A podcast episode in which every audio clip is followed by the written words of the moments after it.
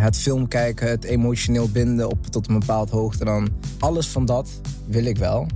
Maar wat ik niet wil is dus, nou, toch binden. Ja, dat zijn, ja, dat zijn echt de kenmerken hè, waar, je, waar je iemand met bindingsangst aan herkent. Die zegt, nou, dat wil ik allemaal wel, maar ik wil niet een commitment maken. En ik wil ook niet tevoorschijn komen met die ander als mijn partner. Welkom bij Liefdesbang, de podcast waar auteur Hanna Kuppen en ikzelf, Kimono, elke twee weken een gast uitnodigen.